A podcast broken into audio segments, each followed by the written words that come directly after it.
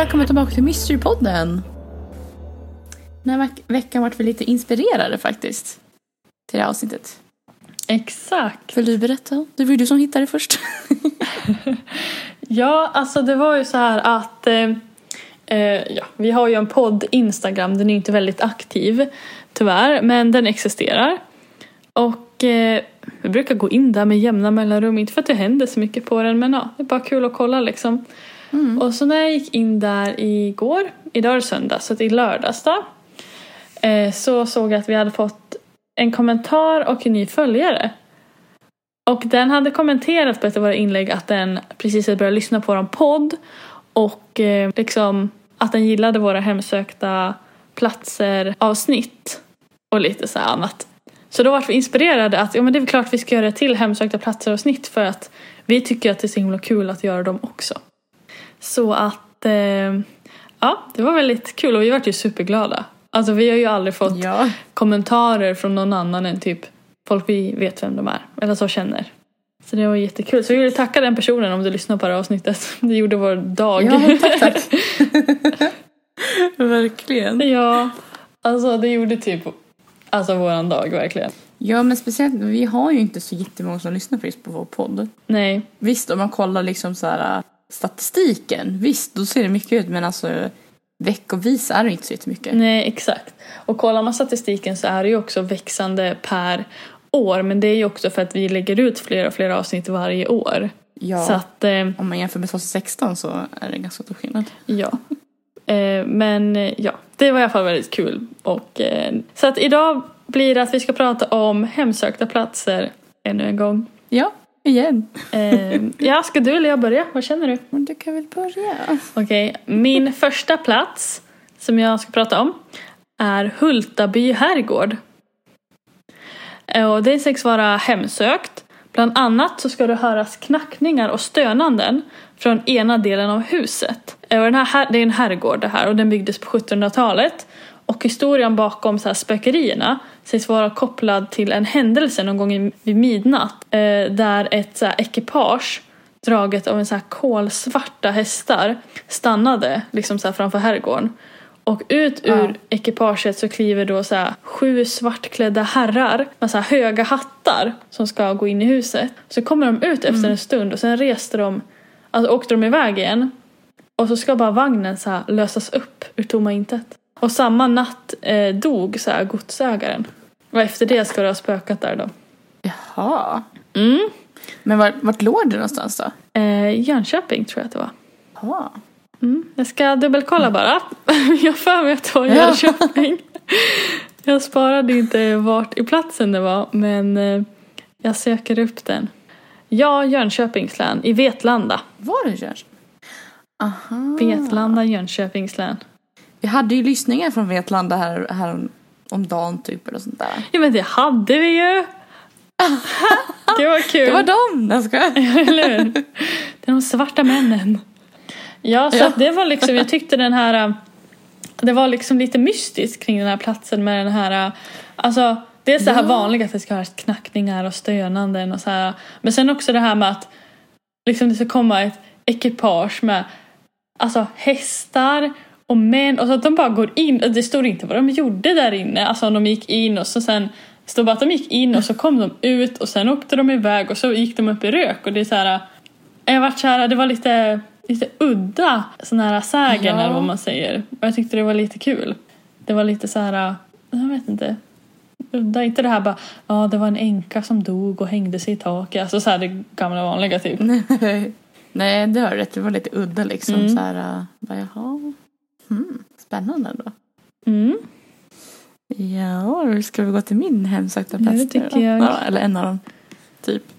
Nej, men eh, jag kände så här. Vi hade ju inget krav på att det skulle vara i Sverige. eller- Nej, det hade vi absolut inte. Sen gjorde jag på Sverige. Jag vet, jag tänkte så här. Eh, sen, vi diskuterar ju inte nu vilka vi hade ta- tagit heller. Så jag tänkte så här. För att inte råka ta samma så tänkte jag. Ja, men vi har ju faktiskt bra grannländer. Ja, men absolut. Så då valde jag Åkershus fästning som ligger i Oslo. Spännande. Ja, så det, det, det har varit först ett, eh, ja men typ ett kungaslott då. Eftersom det är byggt på runt slutet av 1200-talet.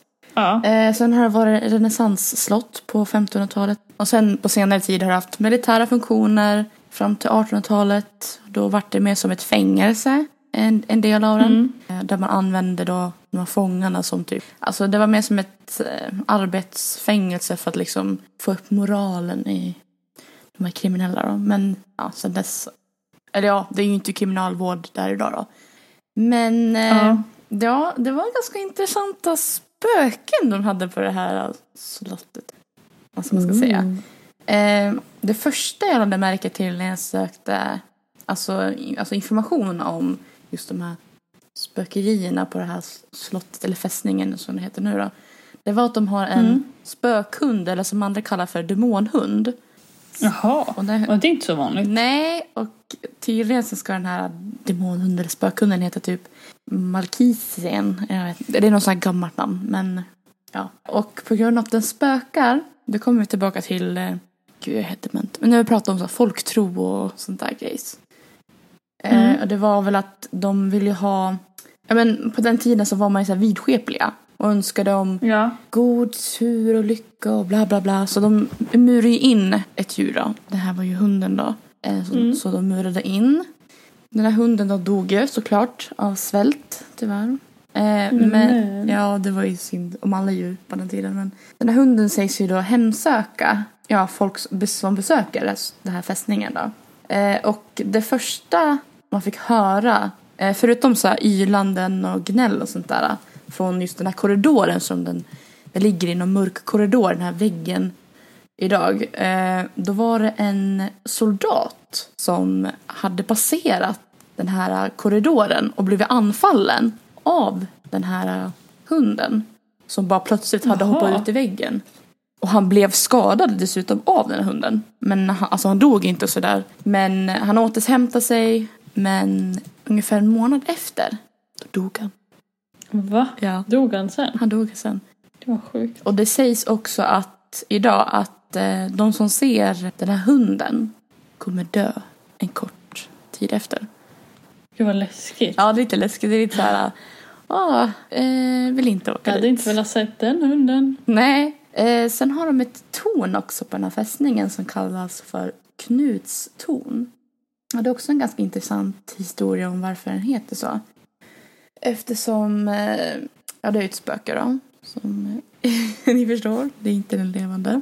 Nej men den här mannen då, han hette Knut Alfsson och levde på 1500-talet. Och han var den första och enda personen som lyckades erövra den här fästningen. Eh, men det var det ju inte eftersom han, ja, det här var på slutet av, nej men det var typ början på 1500-talet någon gång där.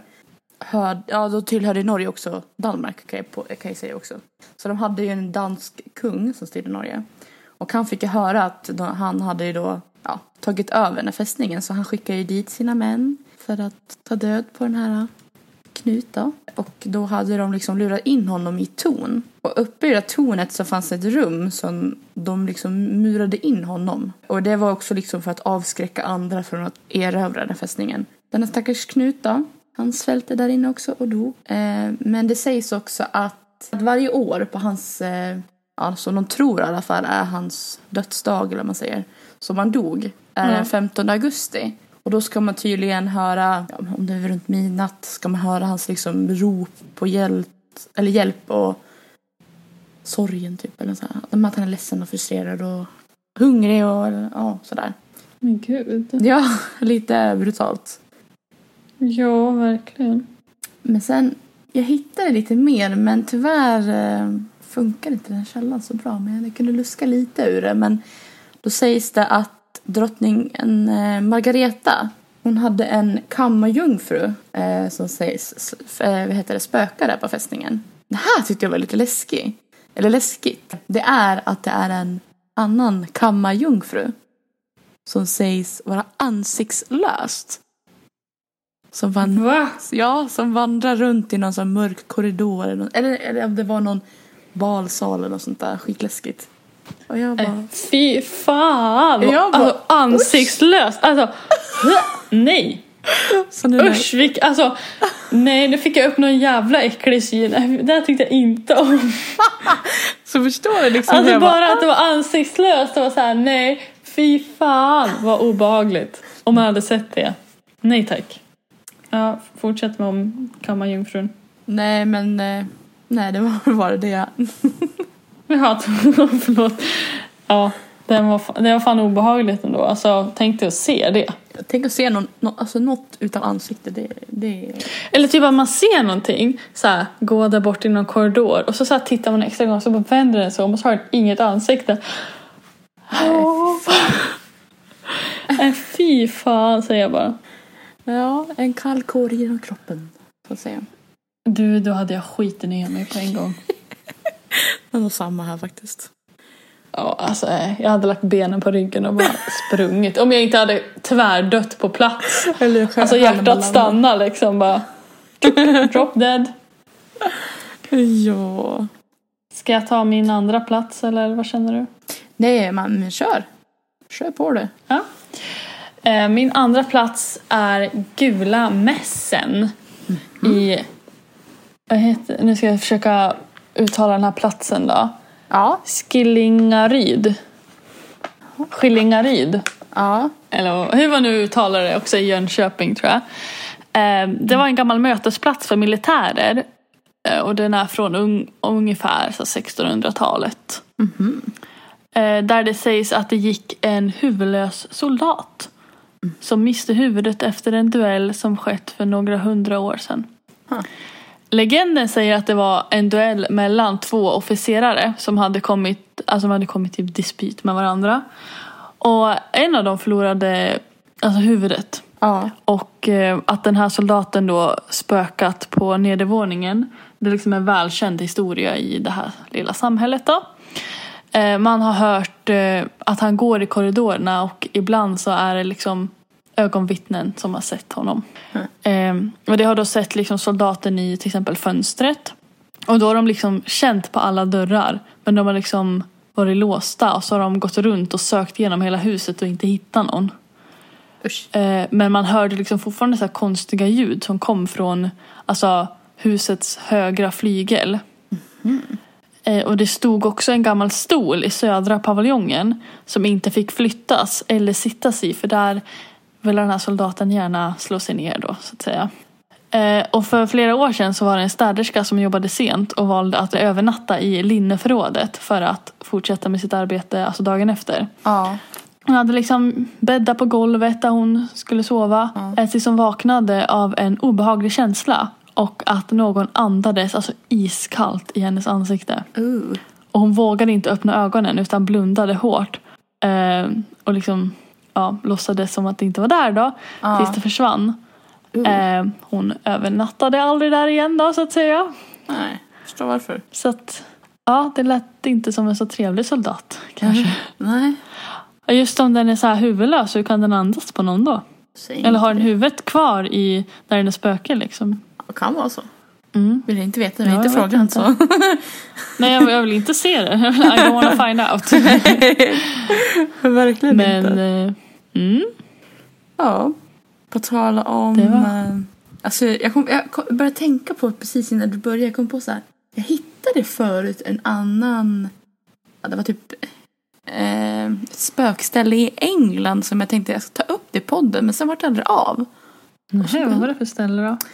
Eh, det här är ett ställe i England då såklart. Tänkte jag säga. Nej men... Eh, vad, vad fan, jag skrev jag ens vart det låg någonstans ens? Jo.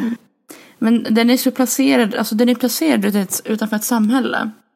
Eh, den här platsen. Alltså det här är ingen byggnad eller någonting utan det här är liksom ett, en liten, eh, jag har för mig att det var typ som en liten korsning. Alltså, alltså ingen, ingen bilväg utan mitt på något fält. Alltså, fast nu har det byggts en, en bilväg där i närheten. Men, ja, men jag kan ju komma till det. Vi märker väl om jag säger upp platsen här. Jag kan inte snabbläsa för då känner jag att det kommer fett lång tid innan jag hinner börja. Nej, men eh, och, eh, jag berättar hela storyn om den här personen som sägs spöka där tänkte jag. Då får man en liten inlevelse. Gör det. Jag gör det. Okej. Året sägs vara 1790. Men källan är tyvärr inte hundraprocentig så att säga. Eh, Ett föräldralöst flickebarn togs in på ett fattighus i Newport Abbott. Nu vet du vart det ligger någonstans. Man döpte flickan till Mary och hennes efternamn blev J. Eftersom fattighusets första bokstav började på, på J och J var på den här tiden slang för prostituerade. Oj, schysst efternamn. Ja, så därför valde man ju då förnamnet till Mary då, som var kristet. Så det var ju, ja, inte det Ah. Bästa of both worlds liksom. Lite syndare, lite kristet, ah, lite Ja, ja, det är så här kompenserar Ja, ut varandra. Eller hur? Nej, precis. Nej, men hon växte ju upp på ett annat fattighus när hon uppkom i tonåren. Eh, då skickades hon till en farm i Cannon, jag vet inte, eh, som låg utanför Manhattan. Nej, men hon jobbar då utomhus och inomhus på gården.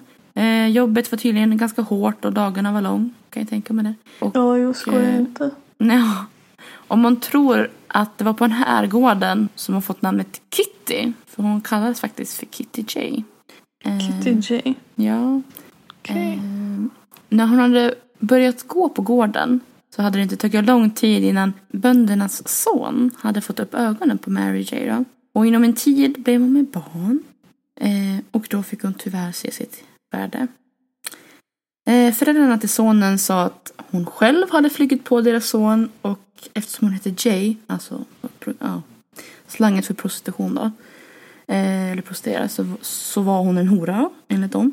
Eh, och då slängde ut henne och hon fick, hon blev väl, fick den där statusen prostituerad då.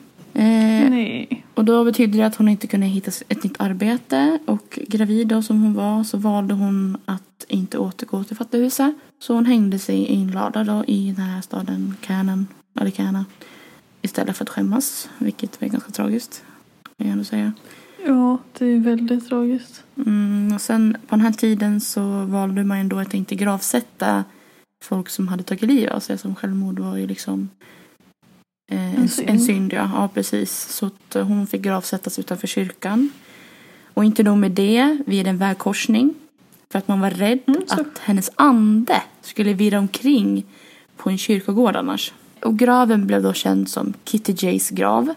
Eh, och hon är inte begraven under marken utan på den. För, ja, det är väl någon så kristen, kristen grej att man... Alltså kristen grav ska man vara begraven under marken. I alla fall då. Eh, och inte långt efter hennes, ja, om man ska säga begravning.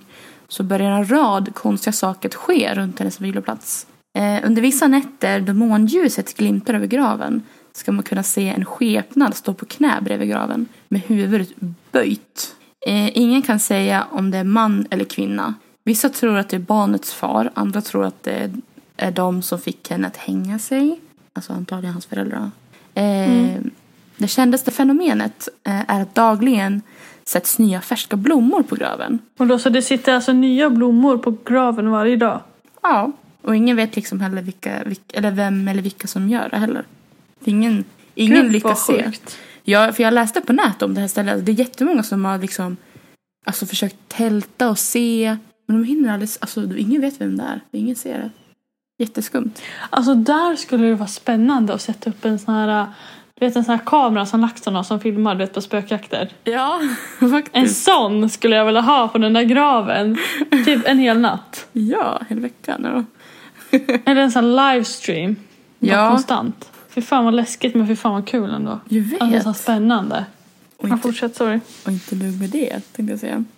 Några år efter graven dök upp var det, var den lokala tron att det endast fanns djurben i graven. Detta kan bero på att omkring graven är det åkrar och hagar för får. Så man menar Ja. att där låg inget annat som kunde tillhöra människa. Men på mitten av 1800-talet, eh, cirka 40 år efter Kittys död, gräver en lokal bonde James Bryant Eh, och han hittade en skalle av en människa. Eh, hans svärson som är läkare får då en, lov att ta en titt på skallen och de övriga benen i graven. Han menar då att skallen tillhör en kvinna. Eh, Bryant gräver sedan ner benen igen eh, efter att ha placerat dem i en låda och sätter sedan upp en sorts gravsten för graven. Och ingen vet idag eh, om graven tillhör Kitty eller någon annan olycksbånade kvinna. Eftersom graven är placerad på ett ställe som skulle eh, straffa den olycksbådade människan som tagit sitt liv så fick de inte heller någon riktig begravning. Och att anden ansågs vara skrämmande. 1823 begravde man i England människor som tagit sina liv inne på kyrkogårdar eh, som alla andra. Men, medan, men mellan klockan 21 och 00 på natten.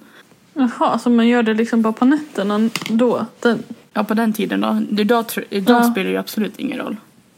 Nej, precis. Men då var det liksom bara på natten. Det var ju Ja, udda. Alltså varför just på natten? Vad trodde de vart bättre eller sämre av det? Var det att så här, ja de får en begravning men inte på bästa begravningstid liksom, eller vad man säger? Nej, så kan jag tro att till exempel det kanske var många som var emot det där. Jag tänkte befolkningen. Jag vet inte. Ja, absolut. Så kan det också kanske inte var så många som gick på deras begravningar och de som tog livet av sig. De kanske inte hade någon... Alltså familjen kanske hade övergett dem för Ja, diverse saker. det kanske var fortfarande en skam för, för familjen ändå. Men ändå ville ha ett, ett avslut som var... Ja, men precis. Jag vet inte. Jag kan inte fråga dem. det är så länge sedan nu. Ja, nej så är det ju tyvärr. Kan man inte det. Nej. Men eh, ja, vill du köra vidare på en av dina stories? tänkte säga. Ja, det kan jag göra. Ja. Min nästa plats är Älghults gamla snickeri. Jaha, ett stickeri. Heter det. Ja, ett snickeri. Ett gammalt snickeri då. Mm. Eh, Och där händer det oförklarliga saker i den gamla nedlagda snickerifabriken. På platsen har det legat ett gammalt glasbruk och man tror att det är glasbrukets bortgångna personal som fortfarande hemsöker lokalerna. Folk har känt sig förföljda och hört fotsteg efter dem fastän de varit ensamma i lokalen. Från damtoaletten kan det ibland uppstå en stark doft av damparfym trots att ingen har varit där. Och dörren till herrtoaletten kan smälla igen av sig själv. Och röster och musik har hörts från de tomma lokalerna. Och musiken har låtit som den härstammar från 50-60-talet. Mm. Och maskiner inne i lokalen har startats av sig själva utan någon logisk förklaring. Och LaxTon har ju faktiskt gjort en eh, paranormal utredning om den här platsen. Jaha. Och de fick kontakter med ett flertal energier som gav sig till känna på olika sätt. Bland annat började bollar som placerats ut att rulla och ett flertal gånger, alltså började de rulla under ett flertal gånger Ja. under liksom hela deras vistelse. Eh, och i liksom generellt i lokalen så, upp, så beskrev de att de upplevde en ständig känsla av att vara iakttagna. Eller vad man säger. Så att de kände sig liksom bevakade när de var där. Plus att det rullade bollar ett flertal gånger. Ja, för jag tyckte, alltså jag känner igen lite när vi skrev, alltså när vi skrev det där med lax. Jag började tänka så undrar om det är ett laxavsnitt som man sett för typ tre Mm. år sedan eller sånt där. Eller Ja, för det är svårt att så här, veta bara ja, de kände sig iakttagna. Ja, det kan de absolut göra. Sen vet man ju inte vad det beror på. Liksom. Det är ingenting som Nej. man kan se, så det är bara en känsla. Det är ingenting de kan visa för oss att det är sant. Nej, alltså känslor det kan man Men- liksom inte... Bollar är ju också så här, ja, på ett sätt så är det så här, ja, beroende på vilken yta det ligger på kan det vara att den sakta, sakta, sakta rullar på grund av att det lutar. Men har den legat stilla typ i två timmar och sen bara helt plötsligt rullar då är det kanske inte lika sannolikt att det är på grund av underlaget liksom. Nej, i så fall är det vinden eller så är det verkligen någon som puttar på den. Ja, precis. Men jag tyckte att det var lite så här en typisk så här hemsökt plats. Ja. Så här, de gamla arbetarna från glasbruket De som har gått bort. och Och så här, den här att det ska lukta damparfym och smälla i dörrar och man ska höra röster och musik och känna sig iakttagen. Det är så här typiskt spökhuskänsla. Jag tyckte det var Ja. kul. Faktiskt. Så att, eh, och den här platsen hade jag aldrig hört om. Alltså, Nej, jag tyckte det bara kändes bekant. ingen av de här men- platserna som jag har sagt än så länge har jag liksom hört om. Nähä. Så att, eh, därför tyckte jag det var lite extra kul. Ehm, hade du någon mer plats? Jag hade ju faktiskt en som att jag hittade den, den senaste i mina anteckningar på telefonen. Mm. Men, Vill du eh, ta den? Ja, det kan jag väl göra. Det här är ändå en, en, en, ett ställe som jag vill besöka. Jag har nämnt det Oh. tidigare. Eh, men det har inte varit med i podden. Det kommer komma säkert i podden, men ja, whatever. och det är Sätra brunn, om du minns det. Ja. Nej, men det ligger ju... Det ligger utanför Sala och ja, här i Västmanland då. Eh, och den är väl ungefär typ 300 år gammal. Det var någon eh, läkare, Samuel Skragge. Jag vet inte om jag uttalar hans efternamn rätt, men han var väl intresserad av eh, naturliga vattenkällor som var rikt på järn och kolsyrerikat vatten, om man säger. Ja. Mm. Eh, och då startade han upp en verksamhet där i Sätra brunn. Det har varit en hälsobrunn då och det har ju lockat tusentals människor eh, för att dricka det här vattnet. Nej, men ja. Och eh, det är någonting som jag tyckte också var lite roligt. Att det så så här, Brunnens hälsobringande vatten hämtas idag från en trefaldighetskälla. Eller källan. Jag tänkte så här, vad fan är det? Är det någon Guds trefaldighetsmakt? Nej, jag vet inte. Stod aldrig vad Det det lät ju lite så, så det lät ju väldigt här uh, Ja, special. ja. Så här, ingen, det stod ingenting heller om varför det hette så, men ja, det har väl någonting med det att göra. Eh, Ja. Men eh, alla fall, eftersom att vi tänker oss att den här platsen har varit väl besökt så är det väl en del energier som är kvar. Men eh, det som jag fastnade mest var Röda Damen som sägs vandra omkring där. Ooh, tell me Eh, more. Ja, nej, hon sägs eh, eh, alltså så här att en av de spökena som oftast kan förs- eh, förnimnas på platsen är Röda Damen som huserar i en av festlokalerna. Hon tros då ha varit gäst där på ja, den här kurorten som det kallas för runt Mm. 1800-talet. Eh, Och eh, för att eh, den här Röda Damens vistelse var inte så jätterolig om man säger så. Eftersom att hon blev strypmördad. Va? Där. Ja, hon blev alltså mördad. Någon kvävde henne till döds. Ja. Och, Fy fan vad hemskt. Ja, men sen hade en del av hennes liksom, kvarlevor blev kvar i husgrunden. Fast de tror att det här huset har brunnit ner eh, så, så försvann inte hennes vålnad. Vilket jag kan förstå. Jag tror inte spöken brinner men ja. Men hon kan i alla fall ses omkring där då. Och man tror att hon letar efter sin mördare. Ja, så det hade fan jag också gjort om jag hade blivit Ja. ja, nej, och sen finns en otrevlig närvaro som många kan uppleva på en övervåning. Eh, och man tror att det är en konditor som heter Ovandal. Eh, Ovandal. Ja, han heter så. Konditorn som under sin livstid blev hela 102 år tycks ty- trivas i huset än idag. Ja, men på senare tid så sägs stämningen på övervåningen blivit lättare. Biskopen Clausenius bodde på Biskopsgården och var under sin livstid en ganska kontrollerande och snål människa. Måste vara elak. Nej. Jaha, var det en hon? Hon donerade Sätarbund till Uppsala universitet. Och hon skrev hon i någon donationsbrev att hon tänkte återvända till Sätrabrunn under sina sista levnadsdagar, vilket hon också gjorde. Badaren August Andersson är ett av de husspöken som sägs då finnas på Sätrabrunn. Eh, under hans livstid så hade han en, barsk framtoning och den personlighet ja, tycks han ha behållit. Och han brukar nämligen köra runt, eller nej han kör ut obehagliga, nej obehöriga. Om de kanske uppför Undrar sig dåligt. vet att man är obehörig då. Ja, jag har ingen aning. Man bara blir utkörd i ett Ja. Och sen i trappan till den här övervåningen då där han den där konditorn är, eller sägs vara ibland då. Mm. Och i köket kan man se en äldre kvinnogestalt som bär en sjal på huvudet. Och man tror att det är en av den här badaren Augusts döttrar. Maria eller Emma tros hon heta. Eh, och besökare och personal har då upplevt hur lampor tänds och släckts. Eh, och man kan känna kalla vindpustar som går genom huset. Eh, och ibland trilkas låsen och det är omöjligt att låsa eller låsa upp vissa dörrar. Och i Bergabo, eh, det måste vara nära Sätterbrunn antar jag, kan vissa gäster uppleva dunk, en dunkel närvaro. Men i de olika husen på områden finns även ljusare krafter.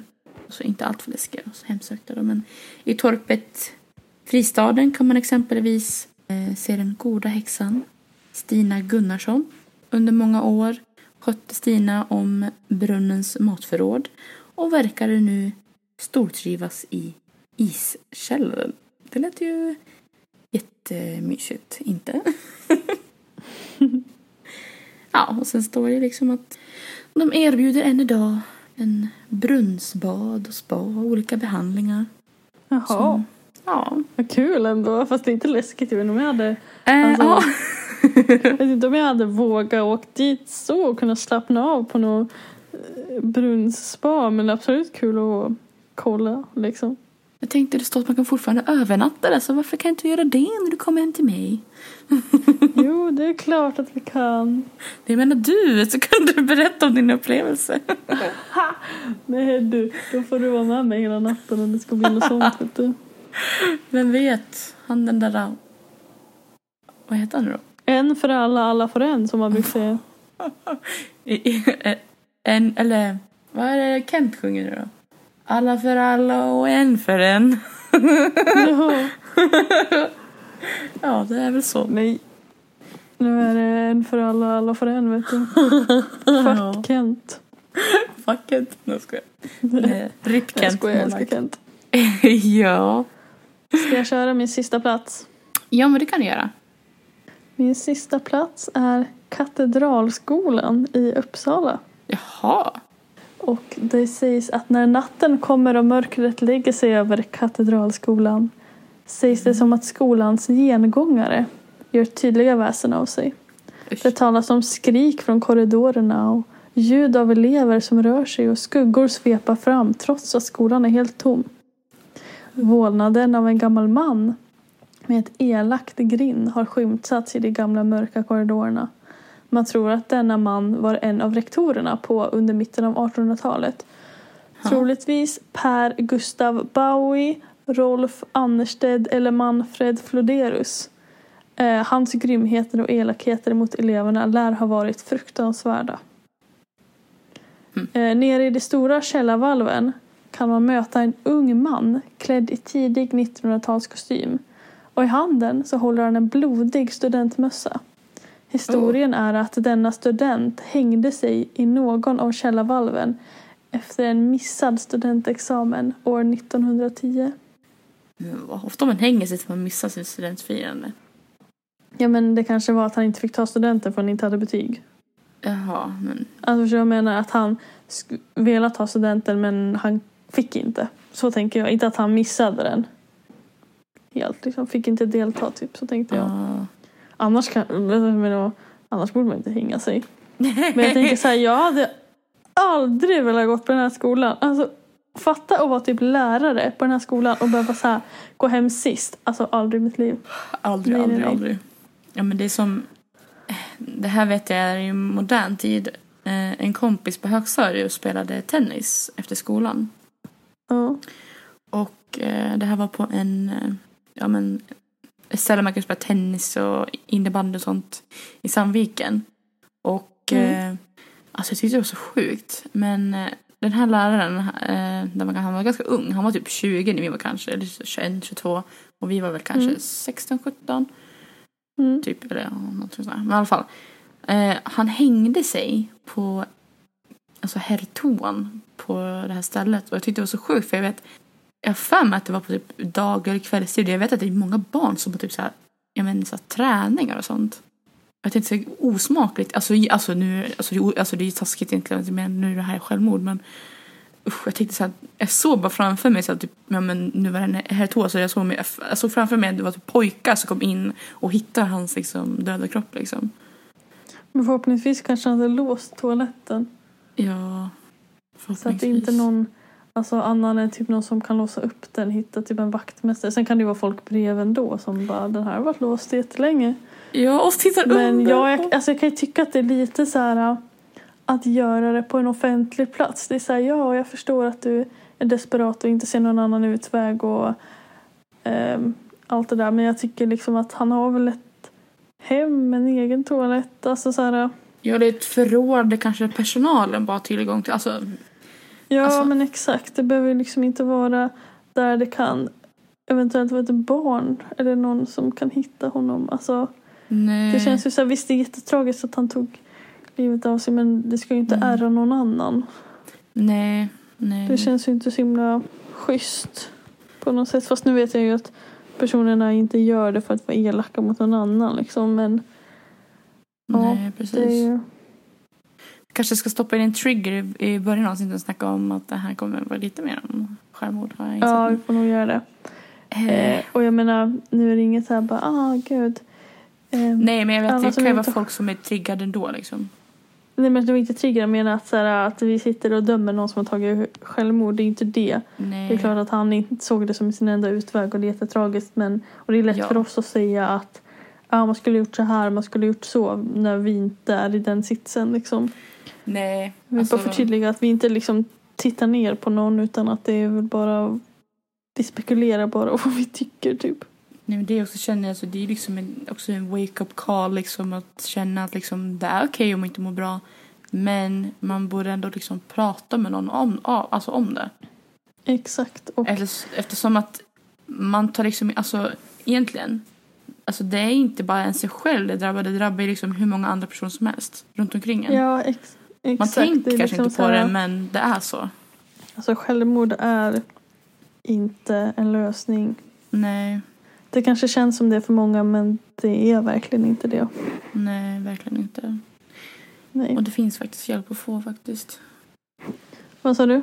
Ja det finns ju faktiskt hjälp att få. Ja, och liksom att ta självmord är och in, kanske din smärta som du har den, alltså på ett sätt försvinner den ju för att personen dör men den flyttas ju bara till dina nära och kära som Mm. får ett helvete liksom. Tyvärr. Precis. Ja, nej, så nu vet ni vilka ställen ni ska besöka och kanske inte besöka. Eller undvika. Ja, tänkte säga det. sånt. Vet man vart man inte ska semestra om man inte vill ha spöken och man vet vart man ska semestra om man vill träffa på spöken. Ja. Ja, inga, inga fästningar och inga slott och... Och inga gamla militärbyggnader och Nej. man ska inte gå på katedralskolan i Uppsala. Nej, absolut inte. Om du inte ser en, eh, en hemsökt student. Ja, och höra skrik i korridorerna. Eller den där rektorn.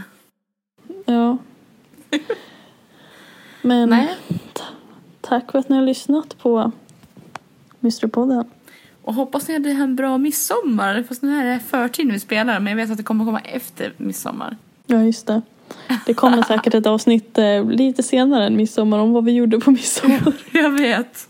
För när vi pratade om... Eh, eh, vad heter det nu då? Ja men så här second hand grejen. Det är typ... Det kom, det, den kommer nog släppas på midsommarafton tror jag. Mm, Om jag räknar rätt. det tror jag också. Ja, för det är, nu spelar vi in det här en söndag så vi släppte ett avsnitt i fredags. Ja. Nästa helg är det inte midsommar och då kommer det ett avsnitt innan. Och Yes. sen kommer second hand, Ja, kommer det här är, avsnittet och sen kommer midsommaravsnittet då. Ja, vi är i skogen då så. Om vi lever så kommer det väl ett avsnitt efter det. Mm. Nej Exakt. men tack och, och tack och adjö. Tack och bok. Och tack för att ni lyssnade på Mysterypodden igen då. Med mig Ja. Cornelia. Och Elin. Då, det var ju min podd. Nej jag. Ja, Nej men nu lär vi säga hej då. Nu vart det för långt att avsluta här. ja hej då. Hej då!